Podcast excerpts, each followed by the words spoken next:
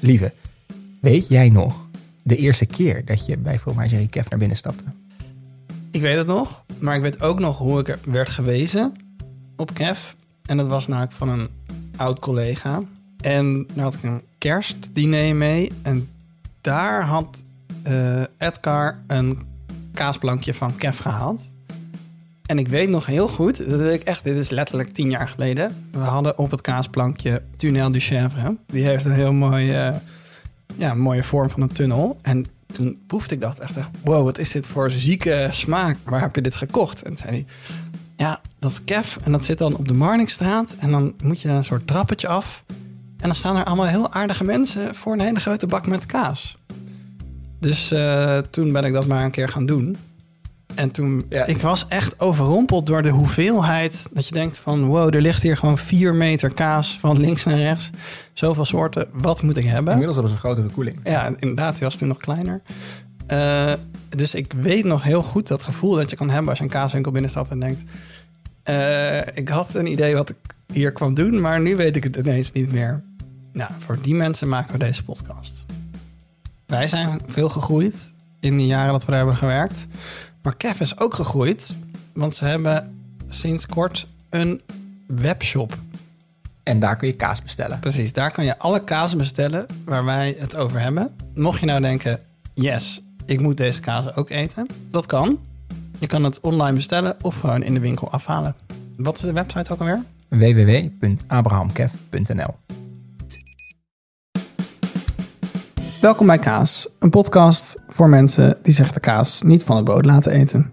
In de vorige, eerste aflevering, hebben we het uitgebreid gehad over de eerste van de vijf families die we dit eerste seizoen bespreken, de geitenkaas. Als je die nog niet geluisterd hebt, raden we aan om daar te beginnen. in deze aflevering staat één familie centraal die we kennen van de schimmel. En dan niet die blauwe, maar die andere, de witte. De bekendste soorten zijn brie en camembert. En je hebt ook nog zoiets als triple crème. En in de supermarkt zie je overal altijd roombrie liggen. Nou, daar gaan we het allemaal over hebben. Uh, we gaan het hebben over drie specifieke dingen deze aflevering. Namelijk één, Joppe. Witschimmel. En dan hoor ik u denken, schimmel, kun je dat eigenlijk wel eten? En twee is de mythe van de arena-kaas. Die hebben we uitgeplozen. En over uitplozen gesproken, we ontleden ook het ingewikkelde systeem achter de appellation d'origine protégé, of in het Nederlands, de bopjes. En het kaaswoord van deze aflevering is... Biologisch. En uh, we gaan natuurlijk ook proeven, Joppe. Wat hebben we allemaal nodig, deze aflevering? Yes. Als je vandaag mee wil proeven, dan heb je nodig de Scapezond. Dat is het kaasje van de dikhoeven. We hebben, je hebt nodig een Hansje. Dat is het kaasje van Mathilde. Mathilde, bij wie wij ons geheel belangeloos aan de keukentafel hebben uitgenodigd. welkom, Mathilde. Aan je eigen keukentafel. aan je eigen keukentafel. Prachtig. Uh, je hebt nodig een stukje chaours, een stuk brie de Meaux en een stuk camembert. Wij hebben een hele, dat is misschien uh, wat gortig, uh, maar, maar, maak daarin een keuze die jij, die jij vindt aansluiten ja, bij je echt heel lekker. En uh, we zeiden het al, we zijn dus te gast deze week in de woonkamer. Want de keuken is eigenlijk te klein. Ja, zeker. uh, van Mathilde in Amsterdam-West. En jij maakt ook zelf kaas in Amsterdam-West, toch? Ja, zeker. Ja, in Geesveld. Waar is dat precies? Uh, als je denkt, hier is het niet meer Amsterdam, want het wordt groen. Daar. Nice. Daar bijna bij halfweg. En dat heet de Fruituin? De Fruituin van West. Daar, en de, de plek heet de Tuinen van West. En hoe lang doe je dit al, dat kaas maken? Ik ben begonnen met het idee kaas maken in 2014. Uh, vervolgens ben ik naar Frankrijk gegaan, naar de Pyreneeën. En heb van de oude eigenaren van Wolverlei, die vroeger een kaasmakerij in Nederland hadden, uh, geleerd in Frankrijk, waar ze naartoe zijn geëmigreerd om kaas te maken. En ze maken verschillende soorten kazen, dus dat heb ik ook geleerd daar. Hoe ging dat, die, die boerderij in Frankrijk? Je ging daarheen en toen? Nou, het was wel via de connecties van, uh, van Marieke van der Werf van Kev. En uh, ja, ik, ik, had alleen telefonisch met haar gesproken, dus ik vond het super spannend. En ik ging met een vliegtuig en een trein en een bus, want anders kom je er niet. En dan moesten zij anderhalf uur rijden en dan konden ze me ergens ophalen. En het was echt in the middle of nowhere. En dan zit er iemand op een hoek ergens bij een cafeetje en die zegt... Ja, hoi, ben jij Mathilde? Ja, hoi, ik ben Herman. en dan ga je mee in een auto ergens naartoe. Uh, maar dat klikte echt enorm goed. Het zijn echt soort van twee ooms. geworden. Eh, Herman en Georg. En eh, zij hebben 45 geiten, of hadden in ieder geval. En twee koeien, eh, wat varkens en eh, ezels. Maar die zijn eigenlijk gewoon voor de sier. Niet gebaat in ezelinnenmelk. Nee, nee, nee, helaas. Eh, en je zit daar op duizend meter hoogte. Het is echt prachtig. En ja, zij, het is echt wildernis wat zij daar doen. Je moet constant eh, bezig zijn met nieuwe hekken zetten. Want dat waait dan weer om. Of er groeit een boom tegenaan en dan werkt de stroom weer niet. Nou ja, allemaal dat soort dingen. Dus het is heel... eh, en toen ben ik de eerste week gewoon kaas... Mocht ik, mocht ik alleen maar kijken. Mocht ik niks doen. Eh, de tweede week... Ja, letterlijk. De tweede week eh, mocht ik al een beetje meehelpen. En de derde week eh, was ik eigenlijk zelfstandig aan het werk, maar had ik de walkie-talkie. Dus zij waren op het erf aan op het terrein aan het werken. En als ik dan een vraag had, kon ik die stellen. En de vierde week, en toen kreeg ik ook opeens al betaald. Vond ik heel erg spannend ook. Eh, want toen gingen ze op vakantie. Nee, toch? Oh, dat was een soort super speedcursus. Boom. Ja, ik denk ook wel dat ze dat deden omdat het gewoon goed voelde. Eh, maar het was niet een hele week, maar ze gingen volgens mij drie, vier dagen lekker in de bergen wandelen, omdat ze dat niet zo vaak kunnen doen en dat wel iets is wat ze heel graag doen. En eh, toen kon ik het daar, ja, kon ik het gewoon even daaruit overnemen. Wat cool. Nice. En ook wat cool om via de walkie-talkie kaasmaaktips te moeten inroepen. Ja. Dat is echt Ja, heel dat is gewoon heel praktisch, Ja. omdat je Ja. bent gewoon ergens op het terrein aan het Ja. werken en anders moet je constant. En telefoons, ja, dit werkt niet zo goed daar. Het is niet echt veel ontvangst. Ja, heel vet. Ja, breekie, breekie. Wanneer moet een stremsel? Dus zo zit het een beetje. Oh, elkaar. cool. Nice. Ja. Ja. En nu je eigen kaasmakerij? Ja, ik ben eigenlijk in eh 2017 heb ik een prijs gewonnen. Maart 2017. eh, waardoor ik een hele smak geld kreeg vanuit de provincie Noord-Holland en Vogelbescherming om met melk uit, de, uit Amstelland. En toen werkte ik ook al met koeienmelk. Dus ik ben overgegaan van geitenmelk naar koeienmelk. Ehm won ik geld voor om een soort van paradepaardje te zijn van weidevogelbeheer boeren. Dus die melk produceren waarbij ze ook rekening houden met de weidevogels. Ehm, en dat daar eigenlijk een soort van extra waarde aan toe te kennen. Omdat mensen heel vaak niet weten eh, dat dat soort dingen ook gebeuren. En daar rekening mee gehouden wordt. En er niet extra geld voor wordt betaald voor die melk over het algemeen. Mhm. Ehm, dus door te verwerken kon ik die extra waarde genereren. En ook mensen dat duidelijker ja, zichtbaar laten maken. Ehm, en toen met dat geld ben ik, heb ik een mailtje geschreven naar de fruittuin van West. Kaasmaker zoekt kaasmakerij. En toen kon ik langskomen en zeiden, ja, ik heb hier wel een plek. En toen dacht ik, oh, ik weet nog helemaal niet hoeveel ruimte. En, eh, ik heb nog niet helemaal nagedacht over vierkante meters. Eh, en voordat ik het wist, eh, had ik daar een plek. Naast de kuikentjes, mijn buren. De aflevering van vandaag gaat over de witschimmels. Hansje is, is in die zin een, een witschimmel die een beetje, of, een kaas die een beetje afwijkt van de klassieke witschimmelfamilie, maar hij past er toch een beetje in. Zou, zou jij, Mathilde, ons kunnen uitleggen wat die witschimmelfamilie is? Ja, eh witschimmel is eigenlijk... Het zijn eigenlijk wel meerdere schimmels. Dus het is eigenlijk niet één schimmel. Je hebt de Geotricum candidum en de Penicillium candidum. En je hebt dan ook weer verschillende stammen daartussen. Het is allemaal heel technisch al gelijk. Maar het komt erop neer dat eh, de Penicillium candidum is heel eh, wit. Echt spierwit over het algemeen. En die heb je in een hele fluffige vorm. Of in wat, wat plattere vorm. Dat hangt een beetje vanaf wat voor stam je, Wat, wat je hebt. betekent fluffig? Nou, je hebt bijvoorbeeld Briat Savarin, om een voorbeeld te noemen. Die heeft echt zo'n... Als je er niet aan zou zitten met je handen, dan heeft hij een soort van ja, vachtje. Ja. En dat is dat fluffige, dat is neige, noemen ze dat. Sneeuw, dat is het type neige van die eh, schimmelfamilie. En dan heb je Geotricum candidum en die, wordt eigenlijk, die zit van nature meer in de melk. Of die zit eigenlijk van nature gewoon in de melk. Ehm, en die zorgt wat meer voor een iets geligere korst. Bij koemelk in ieder geval. Maar ook wel bij en schapenmelk is het niet zo spierwit. En het eh, kan zorgen voor een soort van eh, adering, noemen ze het, vermiculier in het Frans. Eh, dus dat je een soort van ja, riviertjes eh, op de korst ziet. Maar je hebt ook varianten daarvan die minder dat rivierende hebben, zeg maar. Dus je hebt ook weer verschillende stammen daarin. En, en klopt dat Geotricum eh, candidum, dat dat dus een, een symbiose is eigenlijk tussen een gist en een schimmel? Een gist is een schimmel. De schimmel is de hoofdnaam. Wat? nou ja. Nee, dus ja, ja, dit heet ik voor Jelle, van Jelle, mijn vriend, want die is bioloog en die doet ook. We hebben hier schimmels nu in huis, omdat hij onderzoek aan het doen is met schimmels. nou goed, een heel ander verhaal. Eh, maar eh, schimmels is zeg maar de hoofdtak en je hebt een onderdeel daarvan zijn gisten.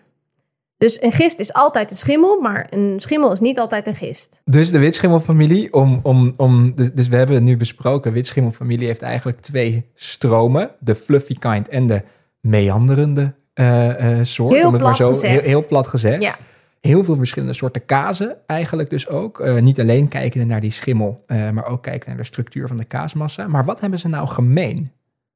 De witschimmel. Zou je bijvoorbeeld aan onze luisteraars, want we hebben natuurlijk een kaasplank hiervoor staan, daar gaan we straks uitgebreid in snijden en het dan in onze mond stoppen en daar smakkende geluiden bij maken. Maar nu zijn ze nog mooi om te zien. En zou, je, zou je aan ons kunnen beschrijven wat deze kazen bijvoorbeeld delen? Ja, het, typerende gewoon aan een witschimmel is dat ze dus een korst hebben die bestaat uit of Penicillium candidum of Geotricum of een combinatie daarvan. Eh, dus, want dat is eigenlijk meestal het geval. Eh, bij camembert zit ook niet alleen maar, witschim, eh, alleen maar Penicillium candidum op. Ehm, dat is eigenlijk wat ze delen en die zetten, die schimmels, die zetten eiwitten en vetten onder de korst om. En daardoor krijg je zo'n lopend randje van, en rijpt dat ook naar binnen toe. Eh, en dat geeft ook weer een andere smaak. Dus die schimmels bepalen voor een heel groot gedeelte eh, de smaak. Maar stel, je weet, je weet niets over schimmels, je weet niets over de verschillen daartussen. Wat, wat zie je dan? Aan het uiterlijk is het over het algemeen wit of lichtgelig. En als het meer oranje-rooiig wordt, dan ga je richting de roodflora over het algemeen. Maar het kan best zijn dat het eerst een wit schimmel was en vervolgens een roodflora wordt. Dus om het nog moeilijker te maken. En dat is, dat is een bruggetje dat smaaktechnisch en chronologisch dan dus ook heel mooi aansluit bij de opbouw van deze serie podcasts. Mhm. podcasts. Wij gaan het in onze volgende aflevering hebben over de roodflora kazen. Ehm, Maar die schimmel, mensen zijn gewoon bang voor schimmel, toch? Heb je, heb je die ervaring? Ehm, ja, maar wit schimmel wordt dus door heel veel mensen niet gezien als schimmel. Mensen denken niet aan schimmel bij de korst van een brie of een camembert. Over het algemeen, hè? ik denk dat heel veel mensen dat echt wel weten. Ehm, maar mensen die er niet, niet zo heel veel zich in verdiept hebben of nooit echt over nagedacht hebben, die zullen, het, zullen blauw schimmel als schimmel noemen. Mhm. Eh, en wit schimmel is dan weer iets wat ook weer blauwe schimmels kan uitnodigen vervolgens. Dus het is ook wel met elkaar allemaal verbonden natuurlijk. En de stelling, zonder schimmel geen smaak.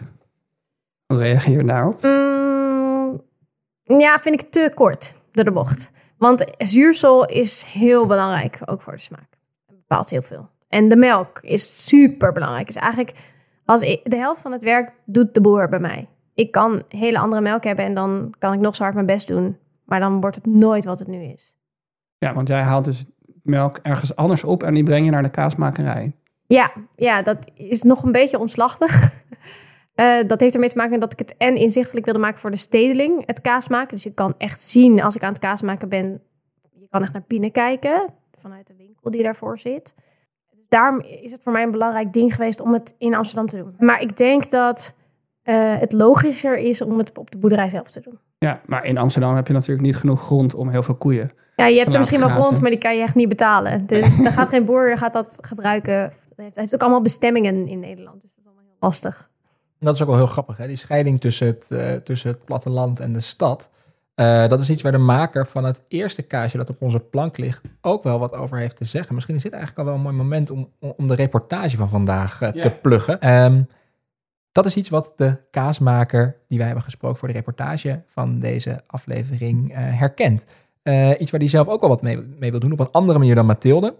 Een andere schaal misschien ook wel dan Mathilde. Maar hij heeft daar best wel ja, bijzondere eh, ideeën over en weet die op een minstens zo markante manier te vertellen. Eh, dus de maker van het eerste kaasje van deze aflevering, het is een schapenkaas, maar wel overduidelijk een witschimmel schapenkaas. Dus vandaar dat hij zijn hoofd om de hoek mag steken vanuit de vorige aflevering, eh, de Scapes rond. Ja, je zegt wij, maar ik was eigenlijk alleen. Want ehm, ja, wat was er gebeurd met jou, Joppe? Ja, ik was eh, op vakantie in Frankrijk, eh, in het land van de Salaire, de Bleu de Auvergne eh, en, en al dat soort kazen. Dat is dus de Auvergne, what- what's in a name. En toen ben ik bij het afdalen van de Puy-Marie onzacht op mijn schouder terechtgekomen. En wat resulteerde in een enkeltje ziekenhuis om mijn sleutelbeen aan elkaar te laten plakken. Ja, dus jij lag nu in het ziekenhuis. Daarom ben ik alleen. En ehm, ik heb ook een titel bedacht voor deze reportage.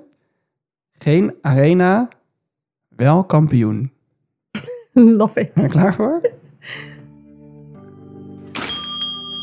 Ik stond een keer in de winkel achter de toonbank toen een man binnenkwam die specifiek op zoek was naar arena kaas, die van schapenmelk gemaakt zou zijn. Ik keek hem verbaasd aan en in mijn hoofd vormde zich een beeld van een kudde schaapjes die, aangemoedigd door meute voetbalfans, in de arena lekker aan het gras aan het knibbelen waren. Die klant moest ik helaas teleurstellen, maar toen ik het later navroeg bij de chef, bleek het te gaan om een schapenkaas die wordt gemaakt in Ransdorp, een dorp vlak boven Amsterdam. En omdat mijn chef ook niet meer precies wist hoe de hooivork in de steel stak, besloten we om zelf het verhaal te gaan halen. Als je Amsterdam Noord uitfietst, is er altijd een gek moment waar de bebouwing ophoudt en je direct de weide infietst. Afgezien van de hele grote elektriciteitsmasten waar je gewoon onderdoor fietst, is het dan ineens helemaal groen. De Dikhoeve, waar deze legendarische arenakaas gemaakt wordt, ligt op zo'n 10 minuten fietsen vanaf de bebouwde kom van Amsterdam Noord, in Ransdorp dus. Als je daar fietst en je ziet ergens zo'n 600 schapen staan, dan ben je er eigenlijk bijna. Ik heb afgesproken met Willem Kuiper, en zijn zoon. Alex Kuiper. Ik ben liefhebber. Laura is tegenwoordig de kaasmaakster, maar die was druk bezig de kaas te maken terwijl ik met Willem sprak. Nou, kom ik eens uitdoen? Nee, je droge schoenen. Willem en Alex begonnen hier in 2003 met kaas maken. Nee, 2003 zijn we begonnen. En mijn zoon kwam toen net in het bedrijf. Hij maakte al kaas, wij vonden het leuk en wij zijn dat mee gaan beginnen. Als een soort hobby. Als een soort hobby. En dat dat zo is uitgegroeid, hadden we niet kunnen dromen. Ja, want dromen, of mythes, daar kwamen we voor. Hoe zit het nou met die Arena of Ajax-kaas? We hadden een, eh, van het begin af aan een eh, Andy Verdonk. Een jongen die geloofde in onze kaas, die er ook eh, als kruiwagen gefunctioneerd heeft om het bij de horeca overal te krijgen. En die zit overal, is ook heel erg met voeding bezig. En is dus benaderd door de culinaire gedoe van het Arena-stadion. En toen dacht hij meteen weer aan ons. En dan was dus het eh arena-gras zou naar ons toe gaan. En dan zouden de schapen erop eten. En van die melk gingen we dus een kaasje maken. Het zou de arena-kaas worden. Nou goed, de praktijk zit iets anders in elkaar. Want geen één schaap gaat dat kapotgeslagen arena-gras opeten. Als ze dat doen, dan is het niet goed met ze. Dus die, eh, dat gaat gewoon de composthoop op. Dus het verhaal wordt al minder mooi. Ja. Maar goed, het is nog te verkopen. Eh, er komt ongeveer drie, vier containers in een jaar. En we hebben daar een eh kubus met mest. Dus dat stelde helemaal niks voor. Maar goed, het verhaal. Flinterdun verhaal. En de compost zouden ze gebruiken van de arena. Wordt nog steeds gebracht. En van de melk gingen we kaas maken. Aha, het was een marketingstunt van Andy Verdonk. En er komt dus wel degelijk gras uit de arena naar de dikhoeve. Maar het gaat direct op de composthoop. Want ja, die schapen die maaien dus liever zelf vers gras. Het is er zo'n commercieel circus. Dat dat schapenboertje uit Randstad, dat was natuurlijk helemaal niet... Ja. Er zitten er hele grote cateraars in, dat is een miljoenenbedrijf. Ja. En hij wilde daar de hele zaak omzetten. 15 jaar, in 2015 zou het het duurzaamste stadion worden. En ook eh, de mensen moesten allemaal met zo'n doosje met oude schapenkaas naar huis toe. Nou, als jij s'avonds het publiek wat er komt, gaat niet met een doosje met oude schapenkaas naar huis toe. Je neemt een balletje gak of een kroketje. En niet sterke oude schapenkaas. Dus dat was al heel enthousiast, maar het is nooit van de grond gekomen. Zo kom je nog wel het gras brengen en af en toe bestelt hij wel eens een kaas, maar dat is dus hele mooie doosjes. En dat ook gemakkelijk zo'n punt harde kaas in ging. En de bedoeling was dat de, de wit schimmelkaas ook in de catering gebruikt wordt. Maar die zeiden, praat je maar, we kopen gewoon onze eigen spullen. Het is veel te duur, die schapenkaas. Dus onder het mom van duurzaam en lokaal werd de schapenkaas uit Ransdorp opgesteld. Maar helaas scoorden ze geen punten in de arena. En voelden de kaasmakers zich op hun plek daar? In dat grote stadion? We zijn twee keer bij een voetbalwedstrijd geweest. We hebben een paar keer daar in zo'n eh, luxe eh, skybox gestaan tussen al die mensen die gezien moeten worden, die zich belangrijk vinden. En dat is dan heel erg leuk. En dan moest ik op het raam kijken naar die voetbalwedstrijd. En beide interesseerde het ons geen snars, dat hele voetballen. Maar het is gewoon leuk om het te doen. Dan kom ik in die wereld. En ik ben geweest dat de Arena 20 jaar bestond. En dan kom ik al die mensen laten zien hoe interessant ze zijn, hoe duurzaam. En het was een mooie zomeravond. En er stond zo'n grote ventilator met zulke kabels erheen. En die stonden daar duurzaam de mensen te verkoelen. Want ja, als je belangrijk bent, moet je wel cool zijn. En dan sta jij daar en sta je te vertellen over je kaasje. Dan denk ik, nou, dit is mijn wereld niet. Ik praat liever met mensen van met beide voetjes op de grond staan. Die mythe hebben we dus mooi gebust. Maar over met beide voetjes op de grond staan gesproken. De kaas die ze maken is gemaakt met nog meer lokale ingrediënten. En ik heb ook een keer iemand in de winkel gehad en die zei: Ik weet wat de schapen te voeren krijgen, namelijk eh, bieten, Ja, gras daar liggen ze. Rode bietjes, en borstel. bierborstel, Ja, van de. brouwerij het ei. Ja. Ja, dat is dus het gemouten graan, waar dus bier van gemaakt wordt. Die houden dus het graan over en dat eten onze beste. En dat vinden ze lekker? Ja, En het heeft ook nog een reden dus. en de bierborstel, dat is een heel eiwitrijk voer. Dus ook daar hoef je weer minder eh, aan brokjes te geven. Eh, we moeten het wel het hele jaar ophalen. Dus ook nu elke dag rijdt hij naar eh, Amsterdam-Oost toe. En nu krijgt het gewoon in de wei ook. Onze jonge beesten ga ik straks met zo'n bak heen en dan gaan we weer zo'n bak leeg scheppen. In emmers staan ze lekker op te eten. Echt? Dus jij haalt elke dag van het bierbrouwerij Ja. het restproduct? Ja. En met die lokale ingrediënten maken ze wel prijswinnende kazen.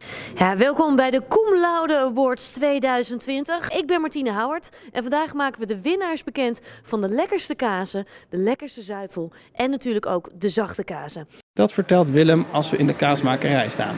En die cum laude award, dat was zeker wel een dingetje, of niet? Dat was een dingetje. Eh, praktisch eh, was het op 12 maart, nee 18 maart was de uitreiking zeker. En toen ging twee dagen op een donderdag. En eh vrijdags ging alles dicht, de horeca. Shit. Dus dat is heel vervelend. Dus het is altijd een leuke feestavond, die organiseert eh, de bond. Waar alle deelnemers dus bij elkaar komen, de prijswinnaars worden bekendgemaakt. Maar om half vijf ging de telefoon van, eh, komen jullie nog? Ja, wij komen. Nou, jullie zijn winnaar, want de rest ging niet door. Dus alleen de winnaars zijn die avond daar geweest, mijn zoon is erheen geweest. Heeft de prijs in ontvangst genomen. Ja, er is toch een bepaalde waardering voor de beroepsproevers en de kaasmeesters die dus zeggen, jouw kaas heeft goud gewonnen. En we hebben hem gewonnen voor de schaapsrond, de schaapsbloem en de schaapsrood. Alle drie? Oh, wow. Dus we twee bronzen en één goud. De, welke was goud? De rond, De die hier dus nu gemaakt wordt. We staan nu met een kijken naar een prijswinnende kaas. Ja. Beste kaas van Nederland eigenlijk. U hoort het goed. Ja. De kaas uit Ransdorp is kampioen In geworden. deze categorie wel, ja. categorie zachte Categorie zachte kaas, ja. Maar dit was dus eigenlijk helemaal geen feestelijke bedoeling. Nee, Gezellige bedoeling of niet, voor de kaasboeren in Ransdorp is maar één ding belangrijk. het is een passie ook het kaas maken. Van, van het product wat jij zelf produceert. Nog een extra dimensie aan te geven, die niet weg wordt gepompt. En in het grote niet verdwijnt, maar dat je er zelf iets mee kan doen, iets zichtbaars. En ook dat, dat je bijvoorbeeld ook contact krijgt met de horeca. De mensen die hier komen, er staat er weer een meneer voor je, die gaat je interviewen. Nou, al die soort dingen komen er ook bij. Je, je krijgt dus ook met een andere wereld te maken, die anders niet tegenkomt. En ja, wat is het dieren houden? Dat kennen natuurlijk allemaal een beetje van de kinderboerderij en leuk knuffelen, maar er komt natuurlijk veel meer bij kijken. Dus dan krijg je de wisselwerking. Iemand die dat kaasje eet, weet dus door, door wat er verteld wordt, wat er dus ook komt kijken om dat allemaal te produceren. Zo krijg je dus een wisselwerking stad, platteland. Dat zijn niet twee aparte dingen, dat hoort bij elkaar. Wij zijn afhankelijk van de stad, de mensen die de kaas eten. En die mensen zijn weer afhankelijk om hier kaas vandaan te halen en te genieten van de open ruimte. En zo is het maar net. Arena kaas mag dan een beetje een mythe zijn. Kampioen zijn ze bij de Dikhoeven sowieso. Dan gaan wij nu naar de beestjes toe. Die gaan we weer eten geven. Wil je de groetjes doen aan Mathilde als je spreekt? dat, Hartelijke groeten. Oké, doe ik. Oké. Doei. Nou, je hoort het. Groetjes. Ja, superleuk. De groetjes terug, Laura. ja, ik heb daar wel eens kaas gemaakt. In, toen ik nog zelf niet kaas maken was, ben ik ook in Nederland op verschillende plekken geweest om een beetje te leren en te doen. En ik heb daar zelfs mijn eigen receptuur een keer mogen maken met hun koemelk. Eh, dus dat was superleuk. En zij was daar net begonnen nog, zo, of net, nog niet zo heel lang. En nu doet zij het helemaal. Ja, echt heel cool. Ja, ze was echt pro, maar kon er dus echt niet spreken. Want ze was de hele tijd bezig dus met kaas en voedsel. En ja, dan moet je gewoon super gefocust zijn. En we hebben dus de beste zachte kaas van Nederland hier. Van op de bank liggen. 2020. In ieder geval van 2020 in de categorie zachte kaas. Ehm, van schapenmelk gemaakt dus. Ja, even omschrijven. Hij loopt weg. Hij loopt. Hij loopt. En dat zei Willem ook nog. Dat zit niet in de reportage. Maar ehm, als hij zo loopt, dan is hij op het lekkerst. Ja, dat vind ik ook. Dat snap ik ook. Waarom is dat zo? Ik vind dan dat hij eigenlijk het meeste, de volste smaak heeft. Niet het meeste, maar de volste smaak. Dus gaat je niet per se aan de structuur. Nee, niet per se, denk ik. Want ik hou ook wel van dat eh korrelige. Maar ik denk bij deze structuur dat, dat als hij eh, wat steviger is, heeft hij niet meer het korrelige. Maar hij is dus hij is altijd wel tot de kern rijp. Volgens mij is dat tenminste wel de bedoeling. Ehm, dus, maar dan is hij wat lobbiger qua textuur. Ik denk dat dat voor mij in mijn mond niet zo heel veel uitmaakt. Ehm, maar ik vind vooral de smaak. Eigenlijk is het, als iets overrijp is met dit soort kaas, vind ik het eigenlijk meestal het lekkerst. En dan gaat het dus inderdaad om de intensiteit, denk ik. Je, noemde het volle smaak. Gewoon de intensiteit van de smaak. Die wordt, naarmate de kaas ouder wordt, wordt die heviger. En Ja, als ja, een kaas complexer. ouder wordt, gaat die ook in principe meer lopen. Een zachte kaas. Dat is eventjes de, de recap van deze observatie. Ja, als hij ouder wordt, dan gaat hij meer lopen. Maar niet per definitie. En eh, bij de kaas waarbij dat wel zo is, hoe komt dat? Eh, het komt door die omzetting eh, en door het vochtgehalte in de kaas. En Die de luchtvochtigheid in de ruimte waar ze rijpen. Dus die omzetting, welke omzetting heb je het dan over? Je hebt eigenlijk een netwerk van eiwitten. Dat is hoe je kaas maakt in feite vanuit melk. Eh, dat wordt hard doordat die krijgt een harde structuur, omdat die eiwitten allemaal als een soort van groot Facebook-netwerk aan elkaar gaan zitten. Ehm, ehm, clusteren. En als het weer omgezet wordt door die schimmels, dan wordt het weer afgebroken, wordt het weer uit elkaar gebroken. En daardoor krijg je dus dat het weer vloeibaar wordt in feite. En vloeibaar, dat is hij. Ik ben ondertussen een, eh Nou ja, een je poging liet hem aan het vallen, doen. want hij gleed van je mes af. Ja. Precies, een poging aan het doen om een kaas die, eh, eh, die, die thuis zou horen in een, in een pierenbadje. eh, om, En hij is op een eigenlijk broodje te Qua- krijgen. als je hem zou zien, zou je hem eigenlijk heel snel verwarren met een brie. Ja, of een camembert. Want de, ma- de maat is meer camembert-achtig. We natuurlijk eerst altijd ruiken. Ja, je ruikt heel goed die penicillium candidum, dat mineralig natte stenige, vind ik. Oké, natte stenige. Daar, daar Ja. kunnen, daar kunnen Paddenstoelig? Ja. Misschien meer paddenstoelen, dat bedoel ik eigenlijk zo'n... Ja, gewoon als zo'n wit bakje paddenstoelen uit de supermarkt. Een- Ik bedoel een blauw bakje met een doorzichtige deksel. En een beetje iets vochtigs. Ja, dat bedoel ik met die natte stenen, Ja, denk ja ik. precies. Maar dat is voornamelijk de korst als je eraan ruikt. Want als je aan het middenste kelderachtig ruikt, ook. Dan ruik je meer ammonia-achtige tonen. Ja, dat prikkelt een beetje ook. Ja, dus die geur is wel echt een heel groot verschil tussen de korst en, en het binnenste, vind ik. Eh, jullie hebben al geproefd. Ja, ik heb hem al Ja, op. Ik oh, hebt hem op, joh. Eh, het, dat lobbige, het lijkt qua structuur, en dat is misschien heel erg een belediging, een beetje op smeerkaas. Ik snap heel goed wat je bedoelt. Dat, ah, maar alleen de binnenste, want het heeft dan het buitenste, heeft weer... Die korst zelf is vrij dik. Het is een dikke korst. En dat is ook weer typerend aan zo'n penicillium eh, candidum, een beetje neige structuur. Dat je, eh, dat dat best wel eh, goed kan, dik kan groeien. Dus daardoor kan je ook zo'n lobbige kaas maken, omdat die korst ook stevig genoeg is om dat lobbige erin vast te houden. Met geotricum heb je eigenlijk over het algemeen een dunnere korst. En als je zo'n lopende kaas maakt, dan breekt je korst. En dat heb ik wel eens. Dan krijg je een soort van dat zijn broek afzakt.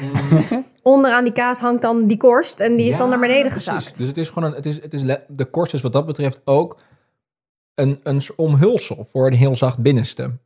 Eh, nou, het is wel eh, je hebt een bepaalde stevigheid nodig om dat zachte vast te houden. En als je niet eh, witschimmel gebruikt, dan moet je of een bakje gaan gebruiken, bijvoorbeeld, of hout.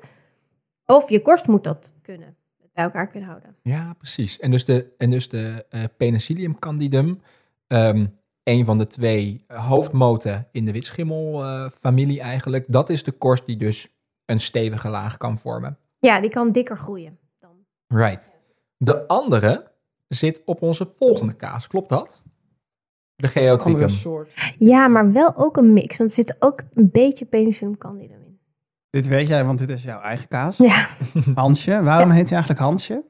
Hij heet Hansje eh, omdat eh, toen ik de eerste keer hem maakte, ik een eh, gat in mijn kaastobben kreeg. Dus daar drupte zo drup, drup, drup, de druppeltjes uit. Toen je aan het stremmen was. Eh, ik had eerst zuur je het aan.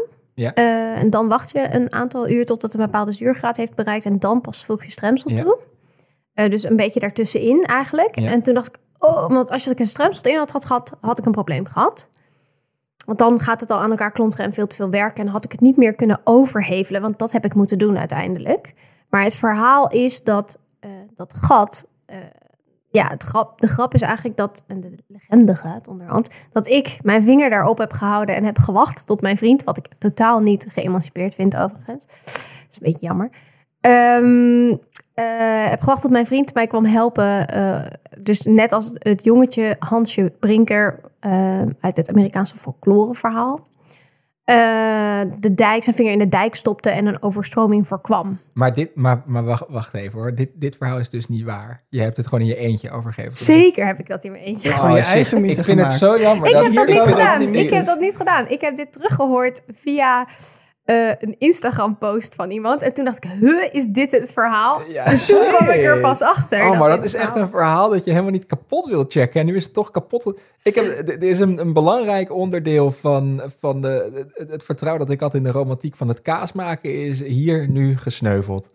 Maar En het is nog steeds de romantiek dat je... Het, het is heel erg kaas maken. Want je bent constant aan het kijken en aan het doen. En je bent altijd oplossingen aan het bedenken. En Ondernemen misschien wel. Ja. Niet alleen kaas maken En geëmancipeerd bovendien. En ja, ik, Ja. dit is gewoon een one-moment show bij mij. Ja, Tegenwoordig precies. trouwens niet meer. Maar oorspronkelijk wel.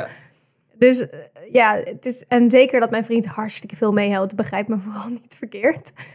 Eh, maar het is niet dat ik hem ga bellen. eh, ik heb een gat in mijn kast op. Wat moet ik nu? Hij heeft ook gewoon een baan. Ja. ja, toch ga ik dit verhaal wel zo blijven vertellen. Dat mag, ik. dat Ja. mag. Nee, die mythe, het is een Mythbuster aflevering, maar het is toch ook wel een leuke mythe. Ja, maar we gaan dit allemaal vergeten. Want we willen, we willen de mythe... eh de Nee, mythe knip het er maar uit. Ja, ik, nee, ja, sorry, ik wil hier niet aan. Ik, ik ben, eh, ik ben, echt, ik ben helemaal voor het naadje van de kaas. Maar zo, als het naadje van de kaas eh, betekent dat je, de- nou ja, dat het verhaal kapot wordt gecheckt, laat dan maar zitten, toch? Nee, Nou, ook weer niet. ik ben gewoon wel iemand die altijd heel eerlijk is. Ja, Ja. het is ook goed. Zullen we hem... eh, Laten we even bij het, bij het begin beginnen. Want hoe, hoe die eruit ziet is dus cilindervormig. Een vrij platte cilinder, wat breder dan dat hij hoog een soort is. hockeypuck. Hij is een beetje crème-kleurig gelig. Aan de buitenkant iets donkerder dan aan de binnenkant. En de binnenkant heeft een beetje, nou ja, wat je, wat je zegt, iets rulligs. Ja, Eh, een cheesecake, daar lijkt het op. Nou ja, Is dat een belediging? Nee, nee, want het is kwark. Ehm, kwark is in feite, je zou kwark kunnen maken op de manier waarop je kaas maakt. Dus kwark ligt heel dicht bij dit soort kazen. goed, dan neem je een hap. En wat gebeurt er dan? Als eerste gaan ruiken. Ruikt niet eens zo heel heftig nu. Nee. Is dat omdat dat het een beetje champagne. warm is? Ja, die champagne die we ook bij de geitenkaas ja, eh, een beetje dat roken. En hij is niet zo oud. Nee. Hij is maar, loopt wel een 2,5 klein week. beetje. Ja. En je hebt ook heel erg die eh, rivierenstructuur op de buitenkant. Licht, maar die is ook alweer een beetje weggeëpt, denk ik, ook door de verpakking. Mooi het wegebben der rivieren op de kaas. Dat is een, een nautische vergelijking. Als je hem dan proeft, eh, ziltig, om in het nautische te blijven. Verder, Heel veel zuurder dan, de, dan die uh, schaapsrond. meer smaak. Hij heeft ook een bitter.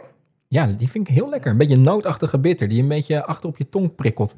Ja, maar ik- dat is dus al de crux. Wat ik het leuke vind is, het zout heeft altijd weer een beetje de bitter op. En daar speel je ook als maker een beetje mee. Dat je eigenlijk en die bitter een beetje ervaart en dat zout. En dat het elkaar een beetje in stand houdt. En die bitter, die zit wel onmiskenbaar tegen dat een beetje nootachtige, aardsige, paddenstoelachtige.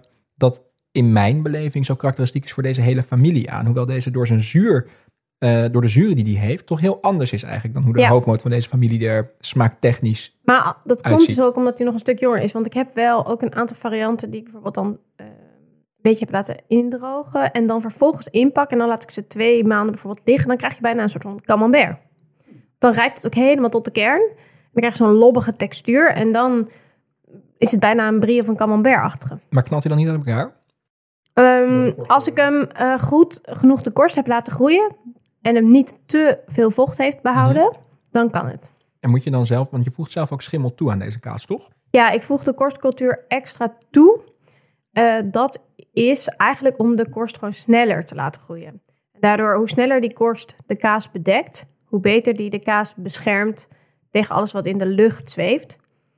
Nou ja, doet hij de vorige aflevering, had het heel erg over van binnenuit en vanuit de omgeving zelf. Dat is natuurlijk ook prachtig. Eh, maar voor de stabiliteit van een product en ook eh, wel de rijkheid vind ik uiteindelijk, eh, kies ik ervoor om het juist wel ook een beetje toe te voegen, zodat het, het voor een heel groot gedeelte komt het uit de melk, maar het zit, je voegt het ook extra toe om het echt mooi te laten, ja, zich te laten manifesteren. En ook voor, eigenlijk wel ook voor de voedselveiligheid. En korstcultuur voor de luisteraars, dat is dan dus in dit geval die Geotricum candidum. Eh, Ja. En de, eh, de, de korstcultuur is dan uiteindelijk wat zorgt voor misschien wel dat noodachtige, dat aardse, dat bittere. Eh, dat bittere denk ik zeker. En dat notige ook. De zuren komen vooral door de melkzuurbacteriën. En ook door de melkzuurbacteriën die natuurlijk van oorsprong al in de melk zitten. Want eh, melk heeft ook altijd, wordt vanzelf ook zuur. Dus er zitten Mhm. altijd melkzuurbacteriën in de melk zelf. Jouw kaas is dus ook rauwmelks. Ja. Dus die gaan zeker weten niet dood. Ja, dat is die van de schaapsrond. Niet, die pasteuriserende melk. Ja. En die maken gebruik van eh, het stabiel maken van kaas, zo noemen ze dat. Eh, dat is eigenlijk veel sneller, een sneller proces. Dus iets hogere temperaturen, meer stremsel toevoegen, waardoor je eigenlijk in een dag kaas maakt. Eh, en ik gebruik de lactische methode, waarin je eigenlijk eh 24 uur wacht nadat je het hebt aangezuurd en gestremd. En dan pas ga ik het verwerken in de vormen. Dus, dat is, dus de verzuring heeft een veel grotere rol, speelt ook een veel grotere rol bij mijn maakproces dan bij de scapesgrond. En dat heeft een hele sterke invloed op zowel smaak als structuur. Ja. Ja, Ja. Dat, dat leidt namelijk tot dat rullige. En het leidt dus ook tot een fris zuurdere smaak. Ja, die ook een bepaalde hartigheid heeft, vind ik altijd. Eh, Umami. je zou er bijna Ja. dorst van krijgen. Ja, ik Eh, wilde net zeggen. Waar blijft het? Dat gerul.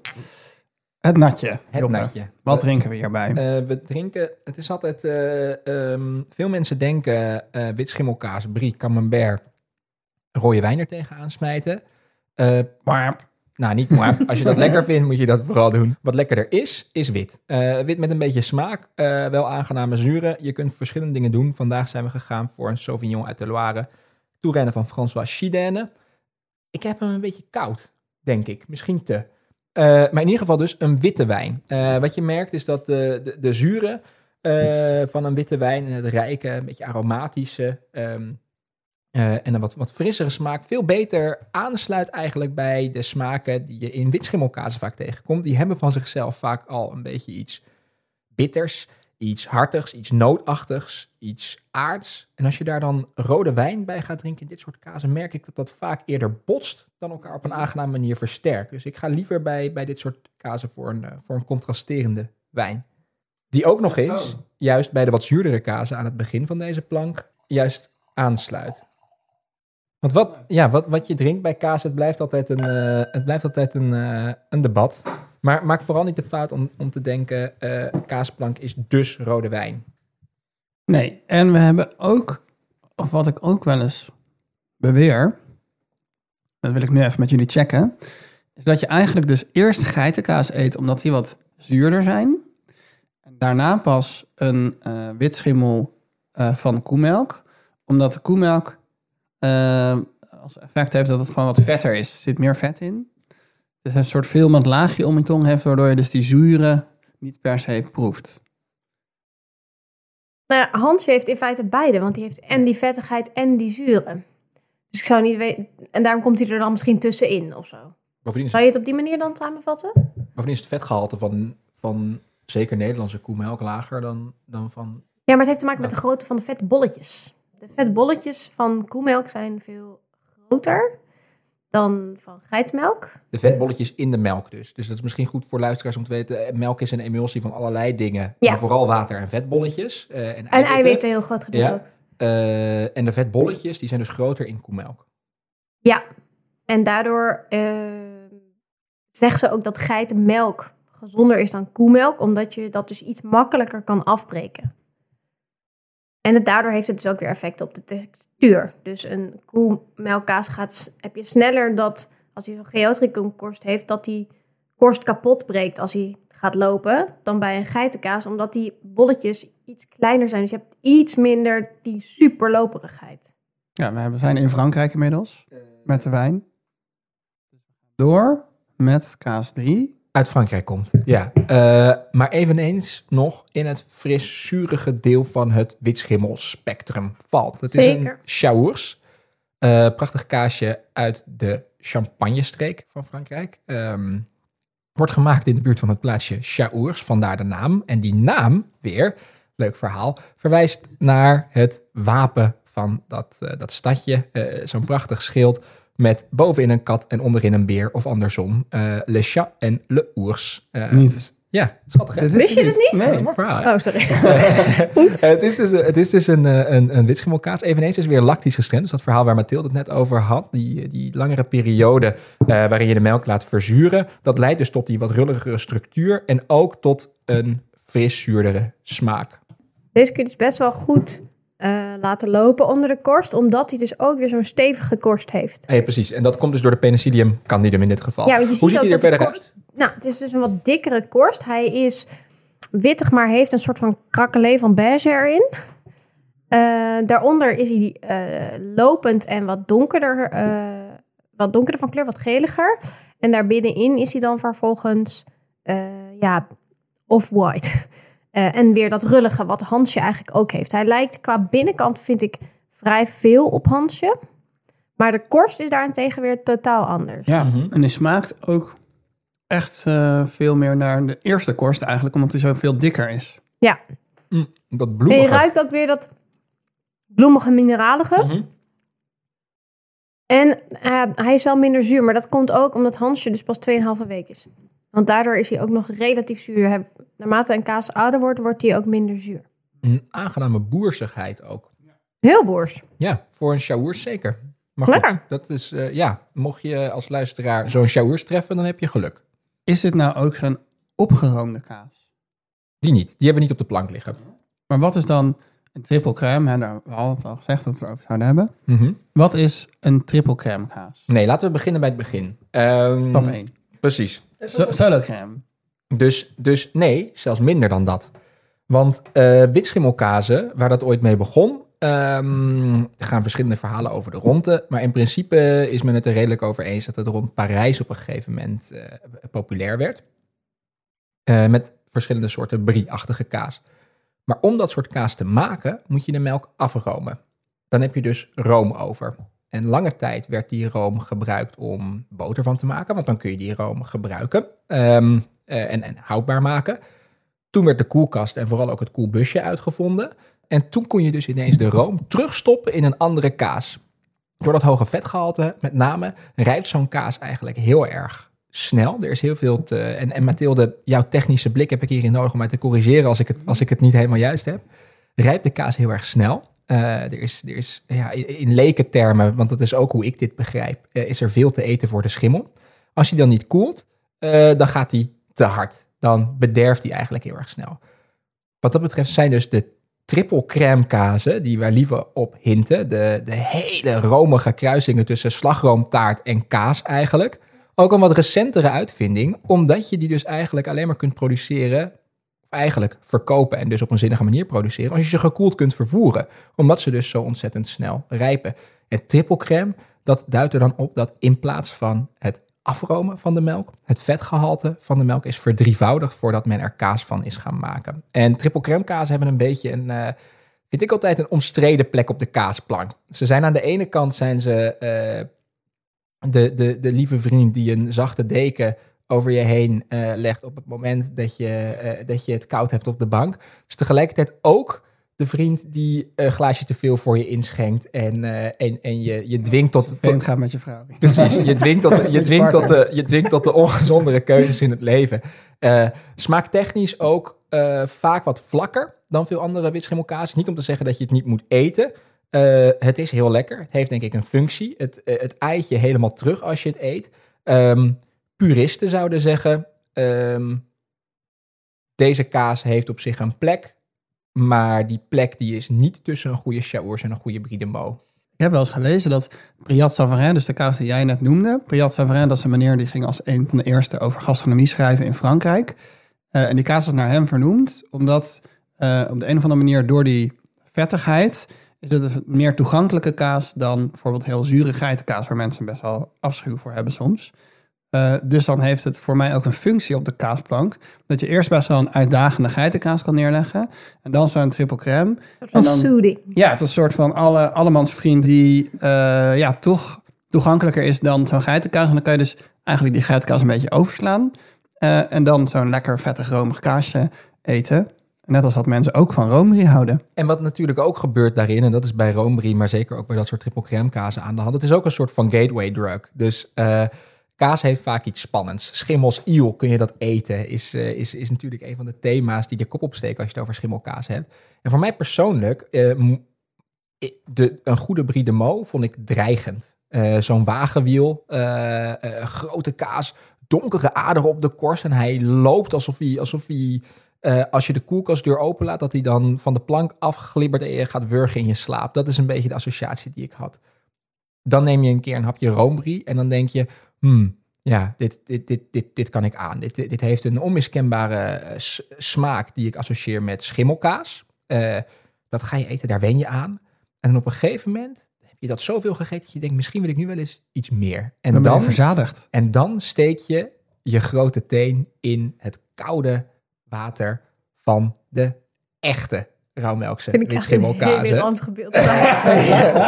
Eh, en dan kom je erachter dat het koude water eigenlijk een warm bad is. En, eh, en ik zou dus zeggen dat, dat, dat, dat ze als rustpunt, maar zeker ook als gateway drug, die kazen een, eh, een hele duidelijke functie hebben. Maar ook heel erg, ja, zou, ik- zou ik mensen willen aanmoedigen om de, ka- de witschimmelkazen die er juist dreigend uitzien, ook een keer te proberen. Want het is... het, het, het lijken altijd de kazen die romig zijn en wat minder smaak hebben. Terwijl het kan ontzettend intens worden. Daar gaan we eh, nu langzaam naartoe, Ja, denk ik. ik, ik zit te gluren. Nou, ik ook. Wat gaan we doen, nee, Joppe? Nee, ik niet. Oh, Lieve gaat dit doen. Dus eh, we, zitten, we waren in de champagnestreek, maar nu gaan we eigenlijk iets meer, ja, wat is het, noordwestelijker dus. Meer terug richting Parijs. En dan komen we in het gebied van... Le Brie. Ik hoor, Eh, ik hoor nu gelijk, hoe heet die gast ook? Die wijnprogramma's. Eh Gort. ja, Gort. Ja, Ja, ja, ja, er terug, hè, sorry. Ja, eh, dus, dus Brie, we hebben het er net al kort over, o- over gehad. Eh Brie komt dus oorspronkelijk uit die... ehm, uit de, ik ben vandaag ook het, eh, het, het, het eh, kaashistorische orakel, geloof Ja, ik. nee, Eh, daarom hebben we je uitgenodigd. Met Willem Dank. Eh, en eh, de Brie die eh, komt dus oorspronkelijk uit de regio rond Parijs. Ehm, en ze gaan daar nogal prat op dat dat zo is. Eh, deze kaas komt hier vandaan. De grap is dat dat dan vaak lijkt op een, op een statement in de zin van... wij waren slim genoeg om dit soort delicatessen te bedenken. Eh, en dat is echt een paar stappen te ver. Eh, wat er namelijk gebeurt is... Brie is dus een zachte kaas gemaakt van koemelk met een schimmelkorst. Afgeronde koemelk. Afgeroomde koemelk, ja. Een kaas die met rijping intenser wordt en loperiger wordt. En die rijping die heeft een bepaalde, eh, ja, een bepaalde houdbaarheid. Of eigenlijk, in die rijping is er een bepaalde periode waarin je de kaas het best kunt eten. Daarvoor is hij te jong, daarna is hij te ver. En dan krijg je hele heftige ammoniakachtige smaken. En eh, dat kan heel agressief zijn, dat je hem op een gegeven moment ergens bij je kruin proeft. Ehm, Brie is dan een kaas die je heel mooi kunt laten rijpen in de kelder als je een boer bent. En als je in de late middeleeuwen kaas maakt toen de koelkast en het koelbusje nog niet waren uitgevonden. Maar ga je hem verkopen, dan moet hij uit die kelder, uit die plek met een constante temperatuur en een hoge luchtvochtigheid. Dan gaat hij dus naar de markt. Dat duurt even, want vervoer ging in die tijd ook nog niet snel. Wat je merkte, is dat als je eh, twee of drie dagen moest reizen naar de markt waar je hem ging verkopen, dat het nog wel ging. Eh, dan was die kaas goed als je aankwam. Als je hem een beetje jong uit de kelder haalt en je gaat hem brengen naar die markt, dan is hij goed tegen de tijd dat hij daar wordt aangesneden om te verkopen. In die tijd was het zo dat Parijs, in de delen van Frankrijk waar men vooral met koemelk werkte, de enige stad was waar genoeg rijkdom zat om dit soort delicatessen, die er toen ook al waren, eh, met enige regelmaat eh, aan de man te kunnen brengen. Eh, en zo is het dus ook ontstaan dat dit soort kazen rond Parijs zijn ontstaan. Niet omdat mensen uit andere gebieden in Frankrijk niet slim genoeg waren om dit soort recepten te bedenken. Nee, puur omdat het de streek was waar men met koemelk zachte kaas kon maken. Omdat het dicht genoeg was bij Parijs, waar je het uiteindelijk ook weer kon verpatsen. Kapitaal. Precies. Of snops. Maar eigenlijk zijn alle kazen ontstaan, alle type kazen, door praktische overwegingen. Tuurlijk. Ja. Kaas is in feite niet meer dan een manier om melk te bewaren. Eh, zal ik hem snijden dan ook maar? Wat je even moet voorstellen als je zo'n brie hebt en je zijn het een super groot wiel. Hoe groot is zo'n wiel? 4 kilo. 15 Ja, liter. stel dat je met je armen een soort rondje maakt, zo groot is hij wel. Zou die kunnen worden? Toch echt een mega. Ja. ja, ik denk zeg maar een diameter van 60 of zo. Ja, nee, echt eh, huge. 60 centimeter ehm, doorsnee. Hoeveel liter melk gaat er in zo'n kaas? Volgens mij 15. Is dat veel of is dat weinig? Ehm, het is in verhouding met een handje eh, veel. Want er gaat meer vocht uit. Maar in verhouding met een eh gouden kaas is het weinig. Hij is dus 60 centimeter in doorsnee. Hoe ziet hij er verder uit? Ja, ik vind de korst deze echt heel donker.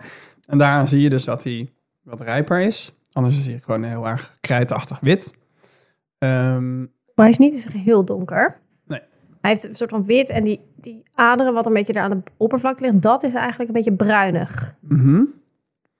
Wat is dan het witte? Het witte is nog de Penicillium candidum. Ehm, en omdat hij ingepakt heeft gezeten, eh, is dat een beetje weggesleten en eh, gestikt voor een deel. Want dat heeft zuurstof nodig, die schimmels. Eh, op de plekken waar het iets meer aan de oppervlakte, oppervlakte zit. Eh, en daar is het dan bruin geworden. Dus als het ware is het een soort van berglandschap waar een deken overheen is gelegd. En waar de pieken van de berg de deken raken, daar stikt de schimmel en daar blijven van die bruine strepen achter. Om het even in een metafoor te vangen. Prachtig. Wauw, echt goed. ja, want mensen zien dit niet. Nee, Nee, helemaal niet. Eh, hoe, hoe smaakt die?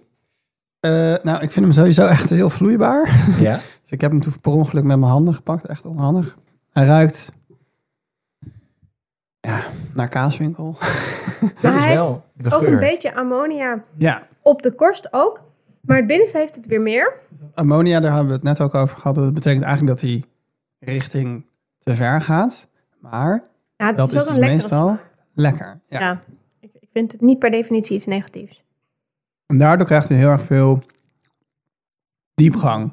Gaat hij ook Vind wat, ik. wat ehm, in plaats van puntig wat meer breder in je mond. Ja, precies. Het is niet dat alleen scherp, het is ronduit. Ja, precies. Hij vult, hij vult je tot aan je, van wang tot wang met smaak.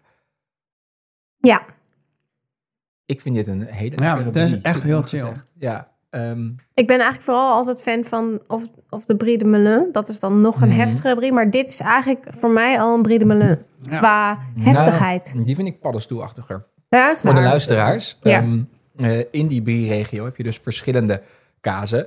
Brie de Mo, die wij nu proeven uit het plaatsje Mo en omstreken, is denk ik de bekendste. Dat is die vorm waar we het net over hadden. De koning van de Brie. Precies. Ehm, eh, andere eh bries zijn bijvoorbeeld Brie de Montereau en Brie de Melun. En sommige mensen zeggen ook Brie de Coulommiers, waar anderen gewoon weer Coulommiers zeggen. Allemaal plaatjes uit eh, de regio Parijs. Ik heb overigens begrepen dat Mo inmiddels een soort van truckstop is.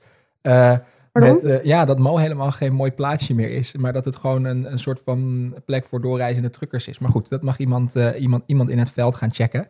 Ehm, allemaal kazen die dus een eigen karakter hebben. En allemaal kazen, ook met uitzondering van de Coulommiers, die een appellation d'origine protégé hebben. Ik vind dat wel een mooi bruggetje namelijk. Eh, de beschermde oorsprongsbepalingen, wat zijn dat? Eh, dit is een vraag aan mij. Aan de, aan dit is een, hadden beloofd dat we hier je, kunt nu meedoen, hebben. je kunt nu meedoen op Kahoot als je luistert. Ja. En vul hem in. Nee, dus, dus de, de appellation d'origine protégé. In 1976 dacht ik, met de Roquefort Ik het, eh, wat het, je hebt twee soorten trouwens. Je hebt AOP en AOC. Ja, dat zijn een soort niveaus ook. Eh, het, is, het is eigenlijk een boek met regels voor elke kaas. En dat kan gaan over regio, dat kan, kan gaan over koeienras, eh, waar het mee gewassen mag worden. En nou ja, eh, maakwijze, zuurgraad, desnoods. Ik weet niet eens of het zo ver gaat, maar volgens mij in sommige producten ook. Maar ook wat de beesten eten, eh, welk, wat voor ras, heb je dat al gezegd? Ja, nee, ras wel, ja. Ja. Maar e- eten inderdaad Ja. ook. En zomermelk bijvoorbeeld, of wintermelk. eh, dat ze verplicht buiten moeten gegeten hebben. Maar het verschilt een beetje per kaas hoeveel regels daarvan zijn. Dus de ene kaas heeft iets minder vastgelegde regels dan de andere. En het heeft een positieve kant. eh, in de zin van dat je beschermt wat er al heel lang is. Eh, zodat de kaas niet opeens heel anders gaat smaken. Dus je behoudt echt je product.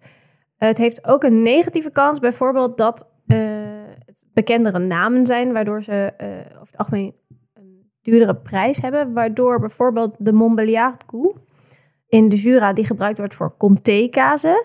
Dat dat eigenlijk een van de weinige koeien is die daar nu nog gehouden wordt. Omdat iedereen comté wil kunnen maken. Waardoor andere rassen uitsterven. Eigenlijk wat er dus gebeurt is, ehm, eh, want je hebt het inderdaad over een groot boek met regels. Eh, maar waar, waar mee begint is dus vaak een groep boeren. En die klopt bij de Fransen in dit geval, bij de Appellation d'origine protégée. Dat is de Franse term voor dit soort regelingen. In eh, andere landen heb je het ook. eh, de, denomination origine. in Italië heb je zoiets. In Nederland heb je ook Ja. zoiets, het bobje. De beschermde oorsprongsbepaling.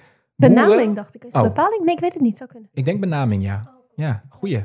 Ehm, wat je dan dus hebt, is een groep boeren die gaan naar de overheid toe en die zeggen: eh, wij, wij maken dit, maar niet dat alleen. Ook onze opa's maakten dit. En hun opa's. Een soort van patent.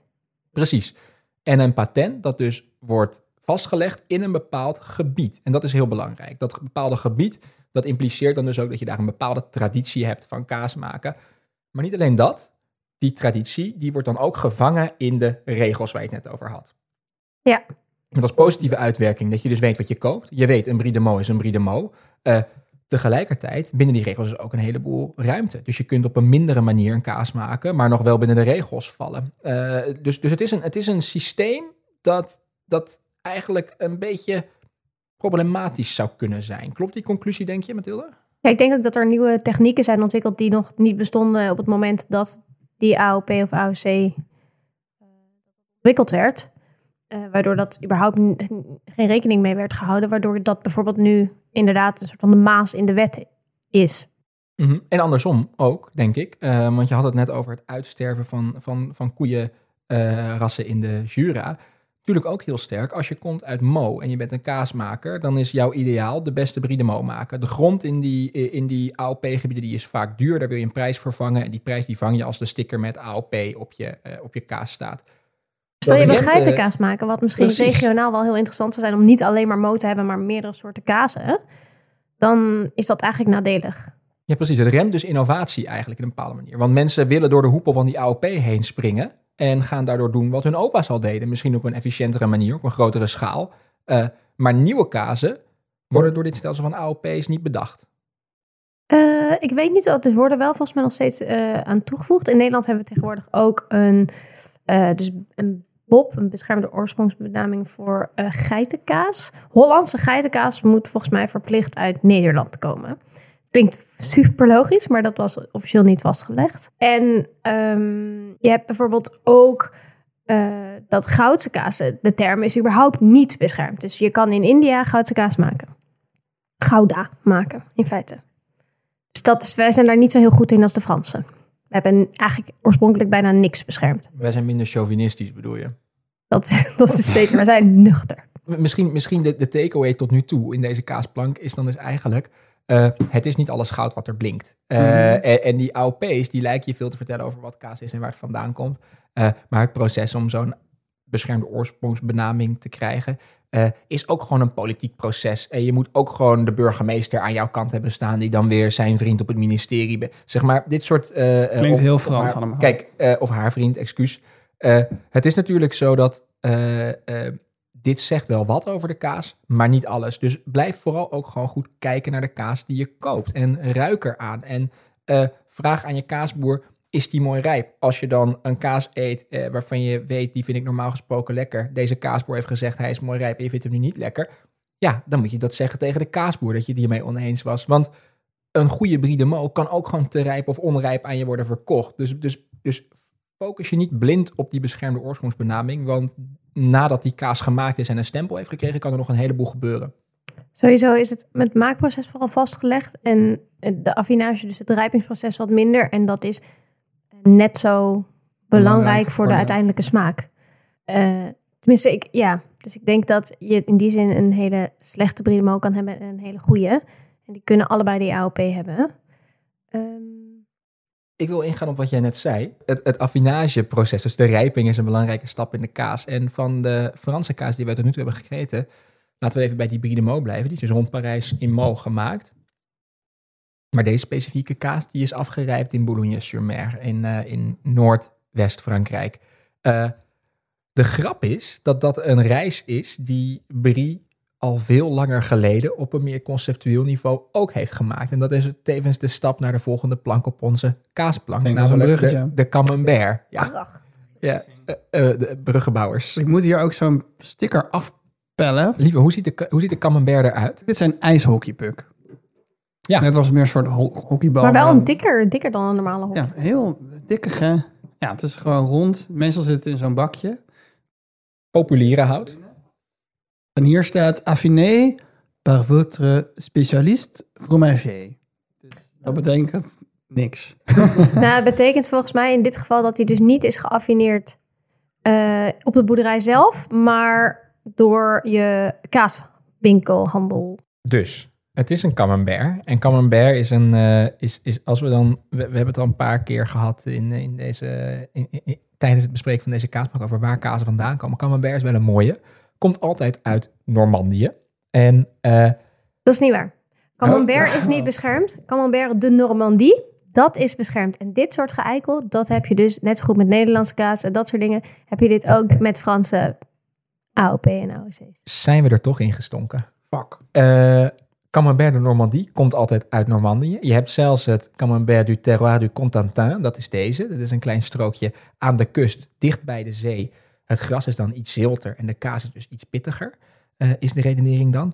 Maar Camembert is een, eh, is een kaas die eigenlijk... eh, die, die wordt getekend door de grootste intriges in de wereldgeschiedenis. Ehm Camembert is dus een witschimmelkaas. En is losjes gebaseerd op witschimmelkazen, zoals ooit ontwikkeld in de buurt van Parijs.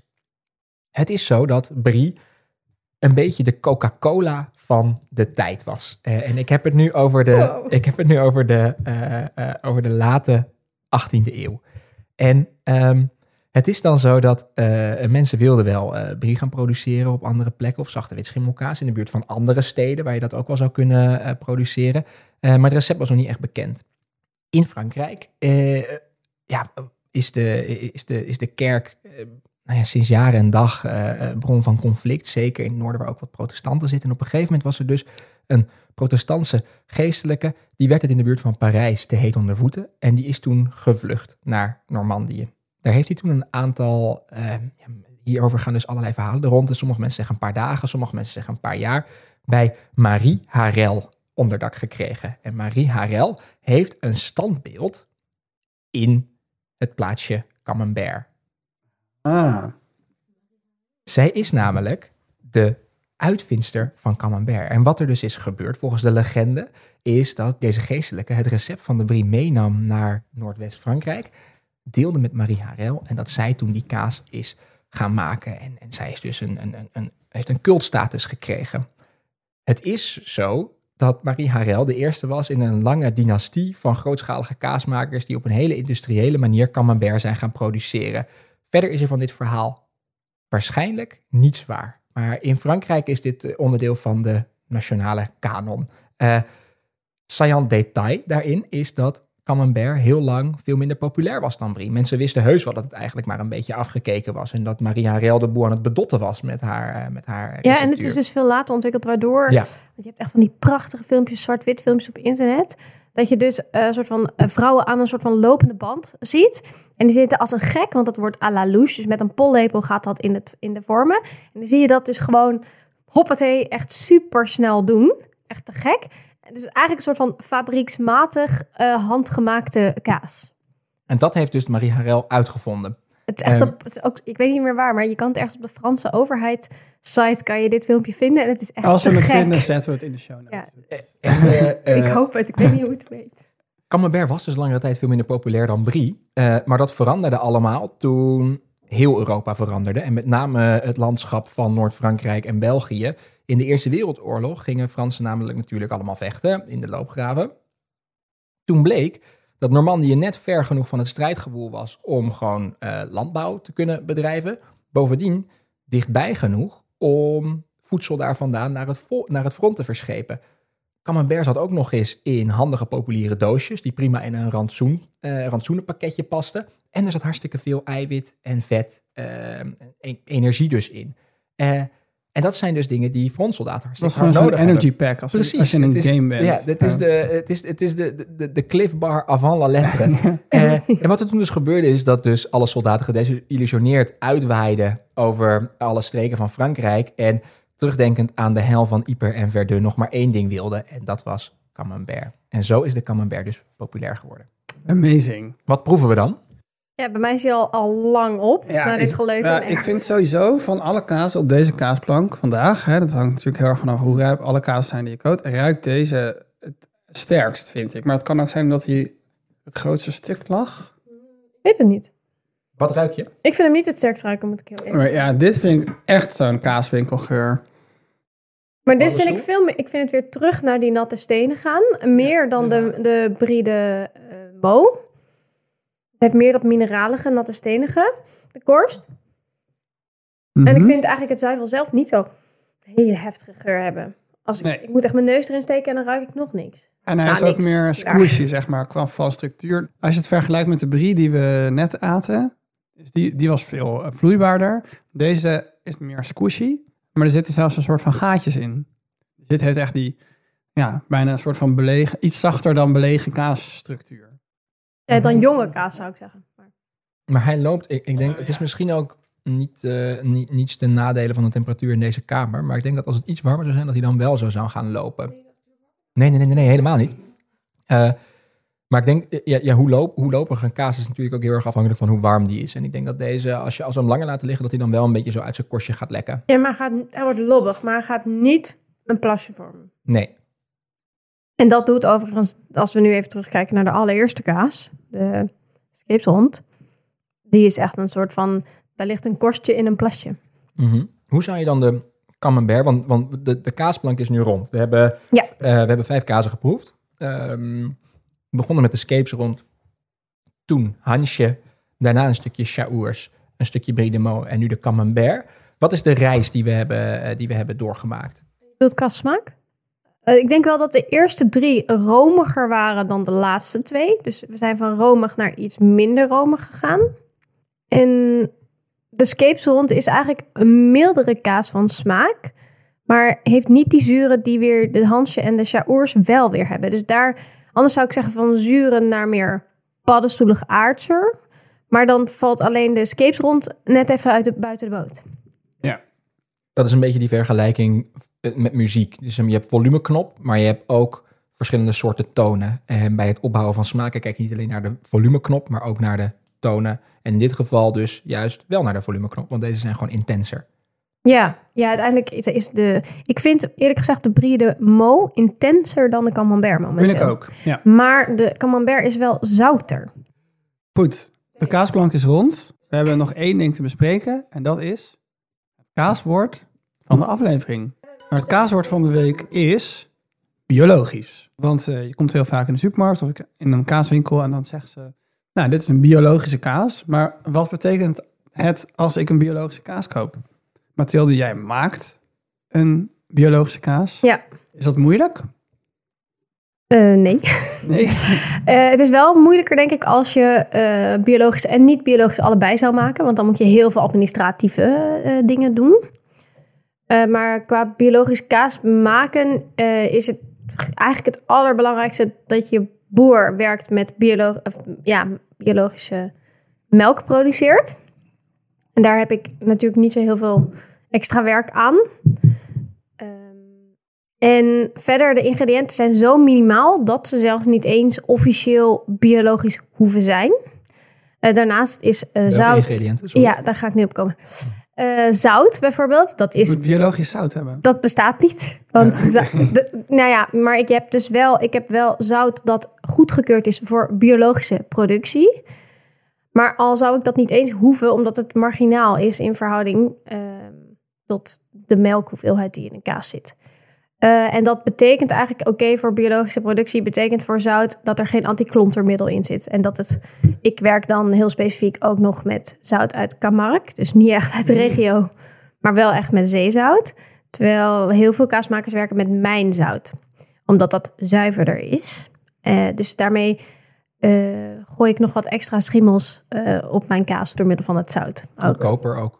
Het zout dat ik gebruik is niet goedkoper. Nee, dat bedoel ik. Dus mijn zout is, goed, is Ja. goedkoper. Ja. Jouw zout is duurder. Ja, klopt. Zout uit een berg of zout uit de zee. En zout uit een, eh, uit een berg is in principe goedkoper. Ja. Maar dat was natuurlijk eigenlijk ook zeezout ooit. Voordat Ja, de maar het is berger dus was. zuiverder, eh, omdat er minder eh, invloeden van buitenaf nog, in, ja, nog in zitten. Dus er zitten wat meer onzuiverheden in. En biologisch kaas maken is dus niet moeilijker. Biologisch boeren wel. Ja, want dan ga je rekening houden, en dat is wel ook voor mij een belangrijke reden om met biologische melk te werken. Maar dan ga je rekening houden met eh, het voer dat, zij, dat die koeien krijgen, naast het gras, ook hoe je bemest. Ehm, en bij mijn boer is het dan nog weer anders, omdat hij ook dus rekening houdt met weidevogels. Dus hij heeft een deel reservaat, dus dat maait hij eigenlijk bijna niet of heel, heel laat. Ehm, hij rijdt met andere banden, dus met bredere banden, zodat je minder de grond eh, laat indrukken. Nou, idealiter zou je ook nog het slootwaterpeil willen handhaven op een andere manier, zodat die vogels er meer voordeel van hebben. Maar dat gaat eh, door grote gemalen, dus daar heb je als boer echt niks over Ja, te zeggen. waterschap. Ja. dus als je zou willen, dan zou je zeggen, ja, ik wil dat heel graag. Maar dat kan eigenlijk gewoon eh, organisatorisch helemaal niet. En kruiden zaaien, bijvoorbeeld, in de, in de weides. En dat heeft invloed op en de melk natuurlijk uiteindelijk, maar ook op de weidevogels. Want dat zorgt voor veel meer bijen en eh, wormpjes, allemaal dat soort dingen. Eh, waardoor er meer insecten zijn, waardoor er weer meer vogels zijn. Dus dat zorgt voor meer biodiversiteit. Dus kunnen we dan zeggen dat de biologische kaas eigenlijk gewoon kaas is waarbij bij de productie, voornamelijk bij het maken van de melk, meer rekening is gehouden met de natuur. Correct. Laatste vraag. Waarom maak jij biologische kaas? Of waarom wil je per se met biologische melk werken? Ehm, omdat eh, ik weet niet of het uitmaakt voor de smaak. Dus daar durf ik eigenlijk geen uitspraak over te doen. Eh, maar eigenlijk omdat het dichter bij de natuur staat. Eh, dus het beter is voor de bodem. Wat een heel belangrijk ding is. Want als wij onze bodems uitputten, dan kunnen we uiteindelijk niet meer eh, dingen op produceren. Dus uiteindelijk is bodem voedsel. Eh, ik denk eigenlijk dat dat de voornaamste reden is. Ik heb ook aardwetenschappen gestudeerd, dus daar komt het ook een beetje vandaan. Ja. Ik wil gewoon een mooie circulaire kaas maken. Ja, in feite is dat, ja. En ook omdat we als mensen uiteindelijk, en dat is ook wat Willem zegt in zijn reportage, dat mensen ook weer genieten van dat landschap. Dat landschap is mooi omdat daar een boterbloempje in staat of iets anders. Of dat het diverser is en dat je niet alleen maar allemaal hetzelfde van die hoordenlange graanvelden, bijvoorbeeld zoals in Noord-Oost-Frankrijk. ja, dat is gewoon heel saai. En dat is helemaal niet zo heel leuk om tussendoor te, dus het is door te fietsen of lopen. Dus het is heel erg ook wat je, wat je eet heeft uiteindelijk directe invloed op hoe jouw eigen omgeving eruit ziet. Je bent wat je eet. Weg met de monocultuur. Nou, en verder dan dat nog. Activisme! Nee, je bent wat je eet, maar je, je leeft dus in wat je eet. Dus, dus wil, je, wil je bloempjes in de wei eh, en wil je, eh, wil je geen monocultuur, wil je, wil je de diversiteit van het land en het landschap omarmen, eet biologische kaas. Oké, dus we hebben het nu gehad over biologische kaas in Nederland. Er is, er is een beperkte schaal waarop je kunt werken. Eh, wil je biologisch werken? En biologisch werken heeft eh, belangrijke invloed op de grond waar we, waar, we, nou ja, waar we op telen, waar we op boeren, maar ook waar we doorheen fietsen. Hoe zit het in Frankrijk? In Frankrijk is er natuurlijk veel meer plek. Ehm, maar in Frankrijk is het ook niet zo heel belangrijk dat het een bio-label heeft. Dus ik denk ook dat heel veel boeren zich daar überhaupt niet eens bij aanmelden, want het kost natuurlijk gewoon geld. Ehm, en als je, ja, als je kleinschalig werkt en als je een kaas wil eten en het, het is belangrijk dat het, ja, dat het een wat arti- artisanale kaas is, dan kan je volgens mij uitgaan van dat het van rauwe melk gemaakt is.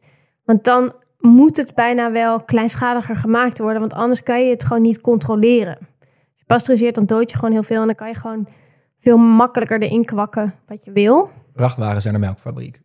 Ja, dat is mak het is makkelijker. Eh, en, en rauwe melk is, is in die zin spannender en moet je meer organoleptisch controleren. Oh jee, dat is een lastig woord. Dat is heel mooi woord, vind ik. Maar Het is met je zintuigen.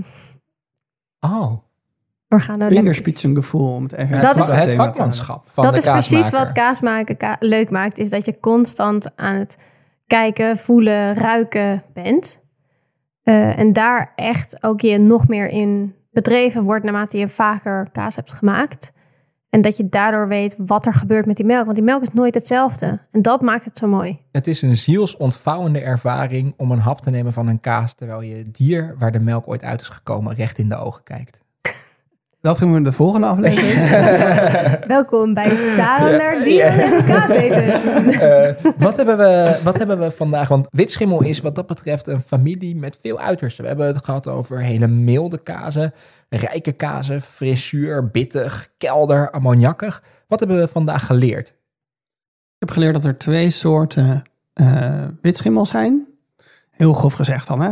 Eentje die een soort hersenstructuur levert... en eentje die meer een soort donsachtige structuur oplevert. Ik heb ook geleerd dat je verschillende soorten structuren hebt... die je kan toepassen. Dat kan natuurlijk ook bij geitenkaas, maar hier hadden we bij de schaapsrond... was het heel vloeibaar geworden. Dat was bij de brie ook. Maar bijvoorbeeld bij het Hansje en de Chaours... heb je veel meer een soort cheesecake-achtige structuur... Wat heb jij geleerd over de witte kaasplank? Dat je ook binnen de familie van de witschimmelkazen... dat je ook daarin een heleboel keuzes kunt maken... die je heel direct aansluiten bij wat je proeft. En als je van frissere kazen houdt, dan is het de moeite waard om voor de kazen te gaan die wat meer zijn aangezuurd. Als je van heftigere, pittigere kazen houdt, dan is het de moeite waard om voor de juist wat rijpere, heftigere witschimmelkazen in de hoek van de brie en de camembert te gaan. Eh, en wat je daar vervolgens bij drinkt, hangt natuurlijk ook heel erg sterk af van welke keuze je hebt gemaakt. Dus wij zijn vandaag gegaan voor een relatief frisse, maar ja, intense, veel smaak heeft, eh, heeft deze Sauvignon, maar relatief frisse witte wijn. Dat is niet, de- dat, dat is denk ik de veilige keuze met deze kaasplank. Maar omdat de verscheidenheid binnen deze familie van de witschimmel zo groot is, is het echt de moeite waard om je per kaas specifiek te laten adviseren. En zelf ook specifiek te proeven van wat, wat je hier nou lekker bij vindt. Tilde, heb jij als expert nog iets geleerd? Nou, niet geleerd, maar vooral gerealiseerd, denk ik, dat die kaasfamilies, om het even wat groter en breder te trekken, eigenlijk ingedeeld worden op rijping, op affinage. Dus eh geitenkaas, je hebt een kruimige geitenkaas, je kan een lopende geitenkaas hebben, of, of schapenkaas, dat noemen we dan een familie. Maar, eh, dus de maakwijze kan lactisch zijn of stabiel, waar we het eerder over gehad- hebben. Maar het gaat eigenlijk om de geotricumkorst die daar omheen zit, wat het dan tot de geitenkaas laat behoren. En witschimmel is dan datzelfde, maar dan van koemelk eigenlijk. Eh, en het andere onderscheid van roodflora, dat kan ook een kruimige kaas zijn of een stevige kaas. Of een... Maar de korst bepaalt dat het een roodflora is. En hetzelfde geldt eigenlijk voor blauw. Het kan een stevige of een kruimige of whatsoever, maar de schimmel blauw specifiek, die bepaalt dat het een blauwe kaas is. Superles is, don't judge the cheese by its korst. Ja, eigenlijk juist wel. Eigenlijk wat we dus doen met families, judgen we bij de korst. Maar eigenlijk zijn de maakwijzen van de kazen in elke familie, zijn alle maakwijzen aanwezig. Behalve misschien de harde kaas. Dat is echt een specifiek andere. Dus, dus wat, wij, wat wij hiermee doen is eigenlijk voorsorteren op seizoen 2 van deze podcast. De kaas en de kaasplank kun je op een heleboel manieren indelen. En de meest voor de hand liggende manier, namelijk van de verschillende families op kleur en melksoort, die schiet eigenlijk op een paar fronten misschien wel tekort. En wat je, wat je proeft en wat je ervaart, kan ook binnen die families enorm uiteenlopen. Ja, dus je kan ook een kaasplank hebben van alleen maar witschimmel, zoals wij vandaag hadden. Want er is enorm veel verschei- eh, verscheidenheid. En eh, je kan echt een hele reis doormaken, zoals wij eigenlijk dat ook hebben gedaan vandaag in smaak. Dit was de gekke kaasplank. Ja, dus het is niet dat je per se uit elke familie één kaas moet kiezen. Daarvoor hebben we ook vijf afleveringen. Bedankt voor het luisteren naar deze aflevering. Ik wil vooral eh Mathilde heel erg bedanken dat we hier mochten zitten in jouw woonkamer. Ja, jullie bedankt voor de heerlijke kaas en de Joppe, je was een geweldig historisch orakel. Ja, dankjewel. Dat eh, mag je vaker doen. Eh, en Willem en alle andere mensen bij de Dikhoef natuurlijk ook super bedankt dat we langs mochten komen. Dag Laura. Groetjes terug. Roos Polman bedanken we natuurlijk voor het maken van een leuke tune. En Dionne Rijnben voor het artwork. De volgende aflevering kom je terug, Mathilde. Want dan gaan we het hebben over roodflora kazen. Wat we hebben gedaan, kunnen we wel vast klappen, is dat we Hansje rood hebben gemaakt. Ja, of een beetje veranderd in de receptuur, maar heel weinig. En vooral ja, in die affinage, dus de rijping, hebben getweakt om er een roodflora van te maken. Ja, dus dan zijn we ineens van wit, gaan we over naar rood. Hoe dat experiment eindigt, dat hoor je in de volgende aflevering. De februari-revolutie op de lactische cilinder. En of het ook echt wat is. Ja, dat dat is. Weet ook. wij, zijn, wij zijn heel benieuwd. Eh, jullie ongetwijfeld ook. En we zien jullie, horen jullie graag terug bij de volgende aflevering. Vergeet niet te liken en subscriben.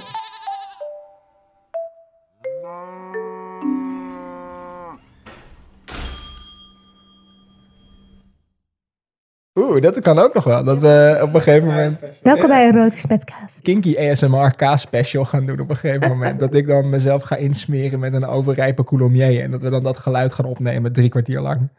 Ik zou dit eruit halen.